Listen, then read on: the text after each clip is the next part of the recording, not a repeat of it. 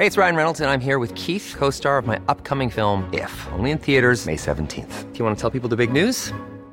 All right, I'll do. Sign up now and you'll get unlimited for $15 a month in six months of Paramount Plus Essential Plan on us. Mintmobile.com slash switch.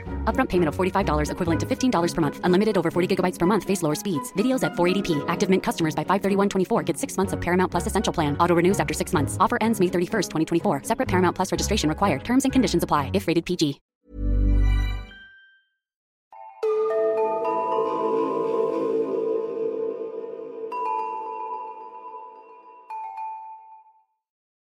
Hej och välkomna till Nära ögat, en true crime-podd för mesar. Mitt namn är Alexandra Kensdottir. Och jag heter Amelia Ingman. Och välkommen till avsnitt 80! Vilket är säsongens sista avsnitt. Ja, nu har vi bestämt oss för att ta sommarlov. Vilken säsong vi haft. Ja, och det har varit så skönt nu med det här nya upplägget. Varannan vecka. Och det är jätte, jättekul att vi har fått så positiv feedback på det. Ja, det har funkat bra helt enkelt. Verkligen. Har du något favoritfall vi kört den här säsongen? Mm. Kan det vara ditt förra fall kanske? Med Dan Saunders Ja, det gillade jag. och bankomaten. Mm. Du då? Oj, svårt. Jag minns knappt början på säsongen. Har vi haft några? Ja, det känns som att jag har haft så mycket så sekter eller föräldrar som har behandlat sina barn illa. Ja, men jag tyckte ändå att det här fallet i Frankrike med den här tvåmannasekten var sjukt spännande. Just det. Maud Julien. Ja, Mm, den tyckte jag också var bra. det hade jag aldrig hört om innan. Och väldigt, väldigt spännande. Ja, det var ju också ett tips. Jag har verkligen jobbat igenom tipsen denna säsongen. Och det är ju så tacksamt när man har er hjälp att hitta fall. Ja, och även om vi nu går på lite semester och så, så får ni jättegärna fortsätta tipsa. Jag vet ju att många av er läser mycket böcker, lyssnar på mycket andra poddar eller tittar på dokumentärer på sommaren. Så att hittar ni något bra fall som skulle passa oss på nära ögat så är det bara att skicka in. Och det är man enklast genom att skicka DM till oss på Instagram där vi heter Nära ögat podd. Ja, så snälla gör det. Då blir vi jätte, jätteglada. Och eh, det är alltid kul med att ta upp ett fall som man vet att åtminstone en person där ute vill höra. Verkligen. Och vi går som sagt på lite ledighet efter det här avsnittet. Men vi kan inte riktigt ge er ett datum än på när vi ska komma tillbaka. Så vi rekommenderar att ni följer oss på sociala medier och prenumererar på podden för att vi kommer posta information när vi vet säkert vilket datum nästa avsnitt kommer ut. Exakt. Och vi heter Nära ögat podd på sociala medier. Och prenumererar gör ni bara genom att klicka på prenumerera-knappen där ni lyssnar på vår podd. Mm. Och sen så har vi ju väldigt stora nyheter. Mm. Anledningen till varför vi inte kan säga när vi drar igång igen är för att det kommer en liten, liten, liten mes Ja, i augusti. vi ska få ett barn. Ja, jag är gravid med mitt första barn. Ja. Och jag har ju ingen aning om hur det kommer vara, hur man kommer må eller något. Så att vi får se när vi kommer tillbaka helt enkelt. Ja, alltså det ska bli så mysigt. Ja, Jag ser fram emot så mycket bebisgos. det ska faktiskt bli väldigt, väldigt mysigt. Mm. Ja, så då har ni kanske förståelse för att det är lite svårt för oss att spika ett datum. Så allihopa in och gratta Assa. Mamma Assa. Ja, det ska bli kul. Och nu blir det kanske lite kontrast här från jättemysiga bebisnyheter till ett true crime-fall. Ja, och det här fallet är så hemskt.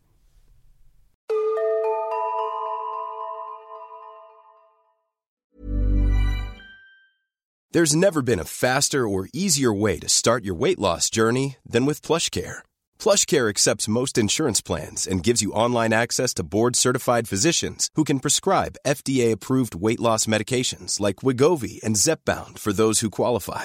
Take charge of your health and speak with a board-certified physician about a weight loss plan that's right for you. Get started today at plushcare.com slash weight loss. That's plushcare.com slash weight loss. plushcare.com slash weight loss. Millions of people have lost weight with personalized plans from Noom, like Evan, who can't stand salads and still lost 50 pounds. Salads, generally, for most people, are the easy button, right? For me, that wasn't an option. I never really was a salad guy. That's just not who I am. But Noom worked for me. Get your personalized plan today at Noom.com. Real Noom user compensated to provide their story. In four weeks, the typical Noom user can expect to lose one to two pounds per week. Individual results may vary. Idag ska jag berätta om Janet Tamayo. Mina källor är ett avsnitt av Unseen och ett avsnitt av I survived. Artiklar från SF Gate, ABC News, LA Times och Medium. Och jag börjar med att varna redan nu, för det här fallet innehåller våld och sexuella övergrepp mot barn. Och jag kommer inte gå in på några detaljer kring exakt vad det var som hände. Men jag kommer såklart varna innan vi ens går in på det. 2003 är Janet Tamayo nio år gammal. Hon växer upp med sin ensamstående mamma Roselia och hennes 15-åriga bror Paul. De bor i ett hus i San Jose i Kalifornien i USA. Den 6 juni 2003 är Janet på väg hem från skolan Blossom Valley School. Hon är på dåligt humör, så när hon hoppar av den gula skolbussen så tittar hon mest ner i marken. När hon kommer hem så ser hon att nätdörren är lite öppen. Vilket är konstigt då hennes mamma och bror inte kommer hem förrän om en timme ungefär.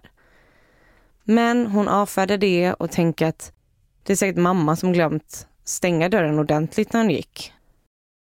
Janet går in i huset och in på sitt rum. Väl på rummet så ser hon att det ligger glassplitter på golvet. Hon ser att fönsterrutan blivit krossad. Hon går ut ur rummet mot hemtelefonen för att ringa sin mamma. Men telefonen fungerar inte. Någon har klippt av sladden. En man knackar nu på dörren och Janet känner inte igen honom. Hon är förvirrad och rädd men öppnar dörren lite på glänt. Mannen börjar ställa massa frågor och kikar in. Som om han kollar efter något. Janet känner bara mer och mer obehag och försöker nu stänga igen dörren. Men mannen sätter sin hand emellan och får upp dörren helt. Han blir nu mer aggressiv. Han tar tag i Janet och drar med henne till ett sovrum. Och nu vill jag varna för hemska detaljer. Han slänger henne på sängen och drar av hennes byxor. Hon försöker sparka bort honom, men har ingen chans mot den här vuxne mannen. Och det slutar med att han tvingar sig på henne och våldtar henne. När han är klar så säger han till henne att hon inte får röra sig, för då kommer han döda henne. Hon sitter i ett hörn i rummet och gråter. Och hon försöker inte ens röra sig, för hon är så rädd. Han kommer tillbaka efter fem minuter. Han knyter ett rep runt hennes fötter och sätter handfängsel runt hennes handleder. Han lyfter upp henne, bär in henne i garaget där hans bil står. Han lägger henne i en stor låda som han lyfter in i baksätet av bilen. Och den här lådan har inget lock eller så, så hon kan fortfarande se ut genom rutorna om hon sträcker på sig. Mannen försöker nu öppna garagedörren, men den öppnas bara en halv meter eller så innan den stannar. Janet hinner se däcken på en bil utanför och hon förstår att hennes mamma och bror precis kommit hem. Hennes bror kryper in i garaget och Janet skriker att han ska fly. Men mannen är redan på väg mot honom. 15-åriga Paul förstår att han inte har någon chans mot mannen. Paul tar upp en skruvmejsel och springer mot mannen Men mannen är mycket starkare och lyckas få bort skruvmejseln från Pauls händer och börjar sedan mata slag mot honom. Han drar sen in Paul i huset och där inne är mamma Roselia redan. Mamman ser vad som händer och attackerar mannen och hon lyckas därmed få honom att släppa Paul. Paul springer iväg och hämtar en stekpanna och försöker attackera mannen med den. Mannen lyckas dock ta stekpannan från Paul och börjar nu slå mamma Roselia med den istället. Han slår henne flera gånger tills hon ramlar ner till marken. Samtidigt så ligger nioåriga Janet i bilen. Hon hör allt tumult hon hör sin mammas skrik. Men nu är allt tyst. Sen kommer mannen springande in i bilen. Mannen är alldeles blodig och Janet frågar om han har dödat dem. Mannen svarar bara med att skratta och sen kör han iväg som en galning. Fy fan vad hemskt. Mm. Det är så otroligt brutalt det här. Och stackars nioåriga Janet som är livrädd. Men det här går så fort med. Mm. Men nu förstår jag i alla fall familjen direkt att det är någon som har kidnappat Janet. Ja, Paul såg henne när han kom in i garaget och hon skrek ju på honom. Ja, men det är bra att de ser att hon blir kidnappad att det var det som har hänt henne. Mm. Så att de bara kommer hem och hon är borta. Exakt. Men medan bilen åker iväg så lyckas Janet hiva sig tillräckligt högt upp för att hon ska kunna titta ut genom bakrutan. Och till sin lättnad så ser hon hur mamma Roselia springer ut och försöker jaga bilen. Och efter henne så haltar också hennes storebror Paul. De lever. Janet sitter nu i bilen med den här okända mannen och har ingen aning om vart hon är på väg. Hon försöker slå sig mot rutorna på bilen och hon skriker allt vad hon kan så att någon annan bil ska se eller höra henne. Mannen som kör samtidigt tar då skruvmejseln och hugger henne gång på gång. En gång träffar han huvudet och en annan gång i bröstet. Den tredje missar han. Sen lyckas hon flytta sig så långt bak att han inte når henne längre. Hon ligger där och blöder och tänker att det inte finns någon chans att hon kommer överleva det här. Men samtidigt så försöker Janet att memorera varje sväng och hur länge de åker och så vidare. Allt för att hon ska kunna hitta hem igen. Eller att hon ska kunna hitta till mannens bostad om hon skulle lyckas bli räddad. De kommer fram till ett stort vitt hus. Där kör mannen in i garaget. Han bär in henne upp på övervåningen. Där låser han upp ett rum som har en tv och en liten säng och ett litet badrum. Och varning igen för hemska detaljer. Han våldtar henne igen. Och Janet orkar inte kämpa emot längre. Det känns hopplöst. Hon gråter och hon tänker att hon ändå kommer dö. Och han våldtar henne flera gånger. Efteråt så frågar han om hon vill duscha. Och det vill hon. Han tar handfängslet och låser fast henne i duschen. Och duschen blir den enda plats där hon känner sig någorlunda trygg. För där får hon vara själv och han rör inte henne när hon duschar. När det är dags att sova så lägger han henne i sängen och han ligger bredvid. Och han har sin hand på henne hela natten. Och varje gång hon rör sig så vaknar han till och tittar till henne. Och hon sover inte en blund. Samtidigt så har polisen Heather Randall blivit tilldelad fallet och hon undersöker brottsplatsen. Det finns inget blod från förövaren på platsen. Så därför är det svårt att hitta några bevis mot honom. Hon ringer in polis med hundar som ska söka efter Janet och mannen. Men de har inte så mycket att gå på då förövaren inte lämnat särskilt mycket spår efter sig.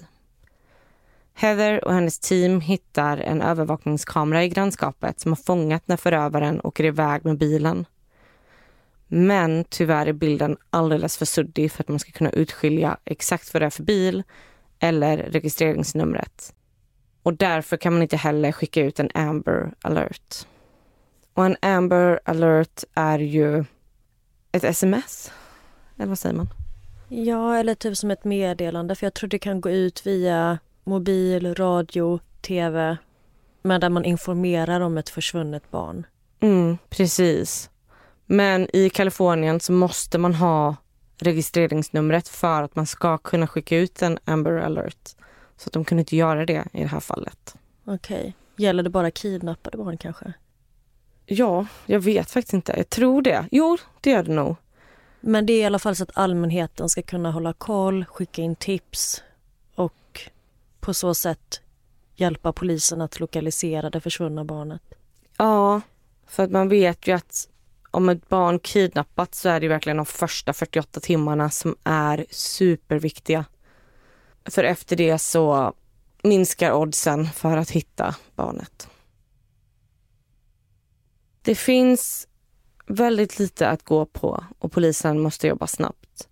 Mamman och brorsan Paul är väldigt skadade och har svårt att redogöra exakt vad det är som har hänt. Men tillsammans med familjen så bestämmer sig polisen för att vända sig till media. Och de uppmanar nu allmänheten att hålla utkik efter nioåriga Janet Tamayo. De har flera presskonferenser för att få uppmärksamhet till fallet och de skickar också ut helikoptrar med högtalare som ropar ut Janets namn. De sätter även upp lappar med Janets bild över hela San Jose och hoppas att om någon ser henne, att de ska känna igen henne och direkt kontakta polisen. Det är det här som är turen då i att mamman och brorsan såg vad det var som hände. För annars hade det kanske inte gått så här fort för utredningen att bli så stor. Ja men precis, alltså vi har ju tagit upp flera fall när polisen trott att barnen rymt självmant. Ja precis, eller att man kanske tar mer tid på sig att kontakta vänner, släktingar, söker igenom närområdet. Men här förstår man ju direkt allvaret i situationen.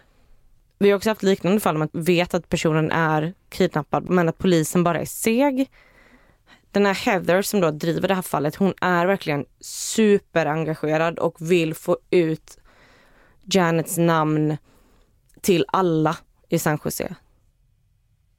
På morgonen dagen efter så tittar mannen på tv.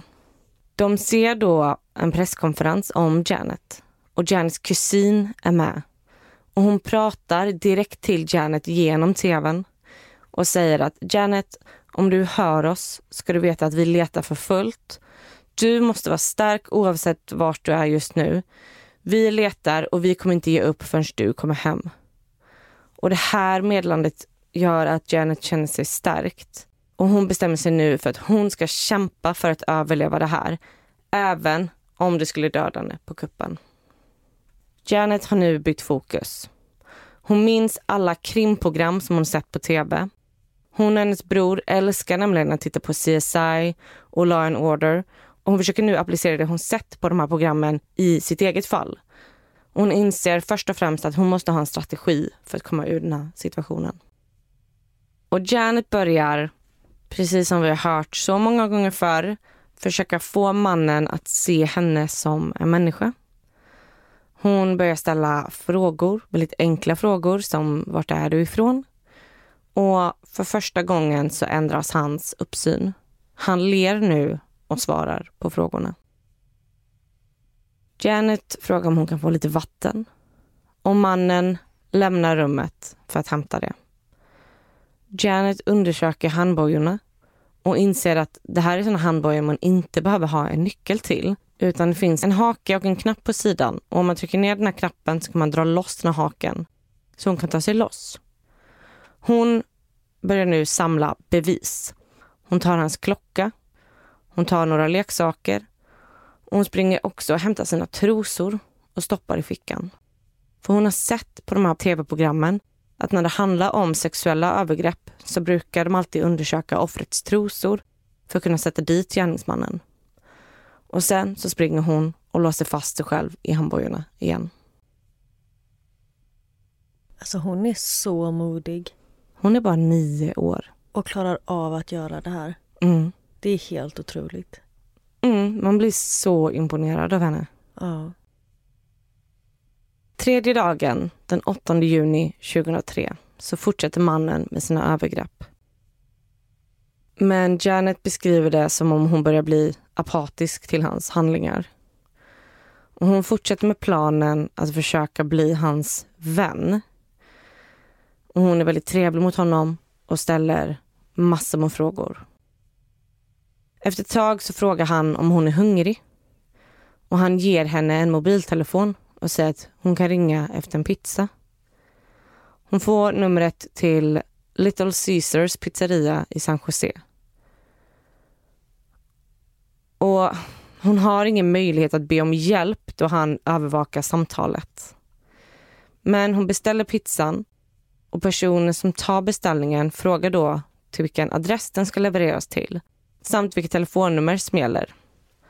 Mannen ger då Janet sin adress och telefonnumret och Janet försöker memorera allt. Efter ett tag så kommer pizzan och mannen kommer upp till Janet med pizzakartongen och uppe på kartongen så ligger ett flygblad med Janets ansikte och ordet missing på. Och innan mannen lämnar rummet så säger han att han måste göra sig av med henne ikväll. Janet är inte hungrig. Hon inser att mannen kommer döda henne. Så hon slänger ut pizzan ur kartongen och tar kartongen och fyller den med massa bevis att hon har varit där och gömmer den under sängen. När mannen kommer tillbaka en stund senare så tar han en kudde och trycker mot hennes ansikte. Han försöker kväva henne. Janet kämpar för att få luft och hon är helt säker på att hon kommer dö. Men till slut så lyckas hon vända huvudet lite, lite åt sidan och därmed också få till ett andetag. Mannen släpper då trycket på kudden och så frågar han om hon vill duscha. Och hon vet inte riktigt vad som händer, om han kommer försöka döda henne på något annat sätt. Men hon säger att ja, hon vill gärna ta en dusch. Och när hon kommer tillbaka från duschen så verkar han vara på ett annat humör. Och han gör inga utfall mot henne. Och hon undrar när eller om han ska döda henne. Efter ett tag så knackar någon hårt på dörren. Och mannen tar sin hand och håller för Janets mun. Och när han sen är säker på att personen utanför gått iväg så drar han med henne. De går ut ur rummet och ner för trappen. Det är mörkt och hon vet inte vart de är på väg. Är det nu han ska döda henne? Han sätter handbojor på henne och slänger in henne i bilen. Och hon gråter och skriker.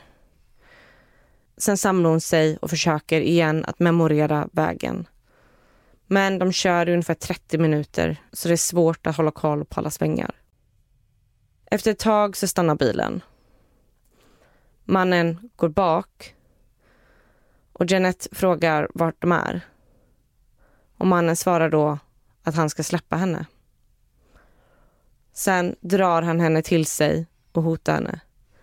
Han säger att om hon någonsin berättar för någon vem han är eller vad han gjort så kommer han inte bara döda henne utan också hela hennes familj. Sen släpper han henne på en parkering och kör iväg. Va? Mm. Det här är så konstigt. Och bara hänga med de här svängarna när han försökte kväva henne med kudden. Sen bara sluta och nu släppa henne. Ja, det är så otroligt förvirrande. Och det har gått tre dagar nu. Ja, det här var tredje dagen. Så oklart. Ja. Men vilken tur att han fick för sig att släppa henne. Ja, och man vet ju inte riktigt varför han släppte henne. Om det var kanske för att han inte kunde döda henne, för att han ändå såg henne som en medmänniska. Så att hennes taktik kanske hade funkat. För han har ändå liksom nästan kvävt henne. Men sen så är det som att han ångrar sig och inte riktigt vet vad han ska ta sig till. Nej, precis. Men de här detaljerna kring att han har sagt både sitt telefonnummer och sin adress. Det skulle kunna vara anledningar nog att inte vilja släppa henne. Verkligen. Men det här låter bara så oväntat jämfört med liknande fall vi har tagit upp. Ja, och jag kommer gå in lite mer på vem han är sen. Men han är bara 24 år gammal, så han är ganska ung. Också otippat faktiskt. Mm. Janet ser en liten butik längre bort på parkeringen så hon springer dit. Och mannen i kassan känner igen Janet från tv och han ger henne en telefon. Men Janet är alldeles för chockad och rädd för att ens kunna slå ett nummer. Så mannen tar tillbaka telefonen och han ringer 112. Och nu är Janet äntligen i säkerhet. Polisen och ambulans kommer och Janet får träffa sin familj. Sen anlände också den ansvariga polisen Heather Randall till platsen. Heather presenterar sig för Janet och berättar att de ska hjälpa henne. Janet tar då genast fram bevisen som hon sparat. Leksakerna, mannens klocka samt sina trosor. Heather ger då Janet ett papper att rita ner allt hon minns från de här dagarna i hopp om att de ska hitta något som kan leda dem till gärningsmannen. Janet målar ett hus på pappret och sen så skriver hon det hon minns av adressen samt hela hans telefonnummer. Och Heather blir ju chockad över hur mycket Janet lagt på minnet. hon frågar då om Janet skulle kunna hitta till förövarens hus. Och Janet svarar ja. Alltså det här är så imponerande. Nio år gammal. Ja, otroligt. Janet får åka med en polisbil och de börjar köra mot San Jose. Janet säger när de ska svänga. Samtidigt så ringer andra poliser runt till alla Little Caesar pizzerior i San Jose och frågar om någon med det här telefonnumret har beställt en pizza och i så fall till vilken adress. Janet leder polisen till mannens hus. Och när de närmar sig det så känner hon sig modig och hon bara hoppar i baksätet när de ser det. Och de andra poliserna får också bekräftat från Little Caesar att adressen de är vid nu är samma adress som de levererade pizzan till. Heather ringer nu in ett SWAT-team till platsen. De går in i huset och hittar mannen på vinden. Och mannen vägrar till en början att ge upp och följa med.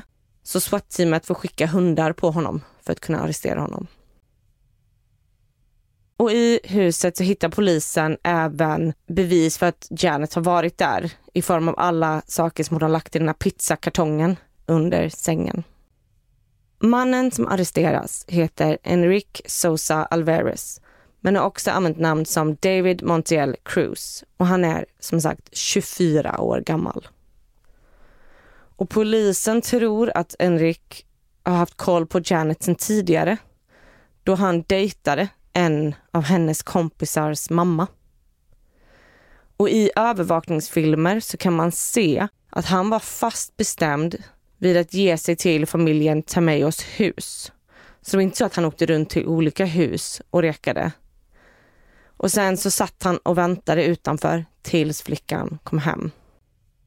Och man misstänker att den här kidnappningen skedde på grund av sexuella motiv. Enrique Sosa Alvarez åtalas för nio olika punkter och han döms skyldig till alla. Och han får 102 år i fängelse. Och det tar flera år för Janet att repa sig efter attacken. De första åren så mår hon väldigt dåligt och hon är rädd för att lämna hemmet och hon är rädd för män i allmänhet. Men när hon fyller 15 så bestämmer hon sig för att hon inte kan leva i rädsla mer och börjar ta tillbaka sitt liv. Hon börjar öppna upp och prata mer om vad det är som har hänt och hon är bland annat med i flera olika talkshows som bland annat Oprah. Och när Janet blir vuxen så återförenas hon också med polisen Heather. Hon kan tacka henne för hennes insats. Och Heather är numera den första kvinnliga polischefen någonsin i San Jose. Och hon inspirerar Janet väldigt mycket. Så Janet pluggar nu till polis på San Diego Police Academy. Hon vill hjälpa andra som hamnar i liknande situation som hon själv var i. Och med all hennes erfarenhet så har hon ju otroligt mycket förståelse för människor i den situationen. Så hon vill vända allt det här jobbiga, negativa hon har varit med om till att hjälpa och inspirera andra. Och det var allt jag hade om Janet Tamayo.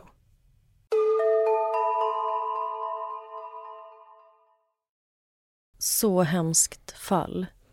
Det är alltid väldigt jobbigt när vi tar upp um, kidnappningar av barn och barn som blir utsatta på det här sättet. Men som sagt, man blir ju verkligen imponerad av Janets förmåga att tänka så klart i en sån sjukt läskig och fruktansvärd situation. Ja, alltså för att vara nio år gammal så tar hon så kloka och mogna beslut. Alltså väldigt modiga beslut.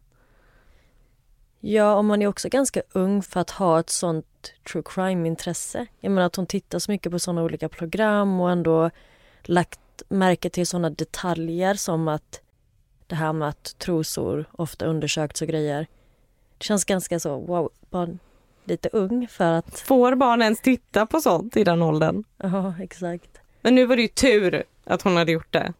Ja, väldigt imponerande med eh, hur utredningen gick till och hur snabbt de kom igång och sen var det ju kanske mycket tack vare Janet själv som hon kom ur den här situationen så pass snabbt men det känns som att förhoppningsvis var väl polisen hack i häl. Också att Janet kunde lägga så mycket saker på minnet och även då samla in bevis. Hade hon inte gjort det så hade det varit mycket svårare för polisen att ta fast gärningsmannen. Mm. Och han skulle kunna hinna fly eller vad som helst. Ja precis, hade inte han varit kvar på platsen så hade det kanske varit en helt annan historia. Och vem vet, han hade kunnat göra det här igen. Mm. Med ett annat slut. Ja, verkligen. Men det är liksom så hemskt. Men det är bra att han fick så långt straff. Och sen så vet man ju att pedofiler och sexualförbrytare brukar ju få det ganska tufft i fängelset. Det är ju den bilden man har i alla fall. Ja, man märker verkligen att det här är USA när det blir ett straff på 102 år. Mm. Absolut. Och Janet var också väldigt, hon var väldigt, väldigt mån om andra. Så att när hon träffade sin familj så såg hon också hur skadad hennes mamma var för att hon hade ju fått ordentligt med stryk med den här stekpannan. Så Janet kunde knappt känna igen sin mamma. Och mamman och brorsan påpekar också hur fin Janet är. För att när hon träffar dem så blir hon så orolig för mamman och liksom vill bara se till att mamman mår bra. Men hon har varit den som har varit kidnappad och varit med om allt det här. Men att hon hon var liksom så orolig för sin mamma. Mm. Och jag vill också bara flika in en sak. Det var lite konstigt med namnen i de här artiklarna. Eh, det stod att brorsan hette Paul i de flesta, men sen hittade jag också en i slutet där de skrev Pablo. Så jag vet inte om han kanske hette Pablo men kallades för Paul. Eller ja, om det är någon misskommunikation någonstans. Eh, men jag vill bara ta upp det. Och medan jag ändå är inne på namn så heter den nioåriga tjejen, alltså det stavas Jeanette Tamayo. Men jag har sagt Janet, jag kan ha sagt Janet någon gång. Eh, lite osäker på exakt hur man uttalar det, men bara så ni vet. Ja, och tillbaka till den här gärningsmannen då. Hade du någon fakta om vem han var eller vad Nej. motivet var? Eller du nämnde att det var sexuellt motiv, men vet vi någonting mer om honom? Nej, det är väldigt trist för jag kunde inte hitta någon information om honom alls egentligen. Eh, och även där var det lite det konstigt med namnen. Han beskrivs som Enrique Sosa Alvarez i några artiklar. Och sen så stod det David Montiel Cruz i andra artiklar. Men sen så hittade jag en artikel där det stod att han heter Enrique Sosa Alvarez men att han har använt sig av namnet Daniel Montiel Cruz ibland. Men utöver det så vet jag ingenting. Jag tror inte att han gick ut med något slags erkännande. Jag tror han nekade till allt. Så att man har inte fått höra hans historia heller på det sättet. Så att man vet ju liksom inte om han hade tittat ut henne innan men polisen tror att han hade sett Janet innan och bestämt sig för att henne ska jag ha eller henne ska jag ta. Mm. Sättet han agerade på var väldigt så bestämt. Och han satt och väntade sen tills hon kom hem och då så gick han in i huset. Så att tyvärr så är det allt jag vet om honom. Jag vet inte om han har gjort något liknande tidigare. Ingen aning. Nej. Men som vi nämnde bara för något avsnitt sen så vet man ju aldrig vem som kan vara kapabel till vilken typ av brott. Men det blir ju alltid lite så chockerande kanske när någon är så ung och gör något sånt här grovt. Att man bara, va? Bara 24 år? Du har hela livet framför dig. Gör något vettigt med det. Ja. Ja, jättehemskt men alltså vilken tuff tjej Janet Mm. är. Och att hon nu pluggar till polis. Jag vet inte om hon är klar än, jag hittar inget om det. Men eh, sista intervjun som jag hittade med henne så pluggade hon till polis. Hon var ju väldigt inspirerad då av Heather, polisen som hade hand om hennes fall. Mm, men det låter ju som ett yrke helt rätt för henne. Hon kändes ju redan som en polis i hur hon hanterade bevisen i sitt eget fall. Exakt. Så hon kommer nog bli en skitgrym polis. Ja. Och jag menar med hennes erfarenhet av den här situationen. Det hjälper ju också henne att bemöta människor som kanske kommer från en hemsk situation själva. Mm, absolut. Men hörni, det här var det sista fallet för den här säsongen. Jag hoppas att ni gillade historien om Janet Tamayo och alla andra fall som vi haft under säsongens gång. Mm. Och som ni vet så älskar vi att höra vad ni tycker så in och kommentera på Instagram och Facebook så får vi hålla kontakten där under sommaren helt enkelt. Ja, och nu var det länge sedan vi bad er betygsätta oss på Podcaster Just det. och sånt.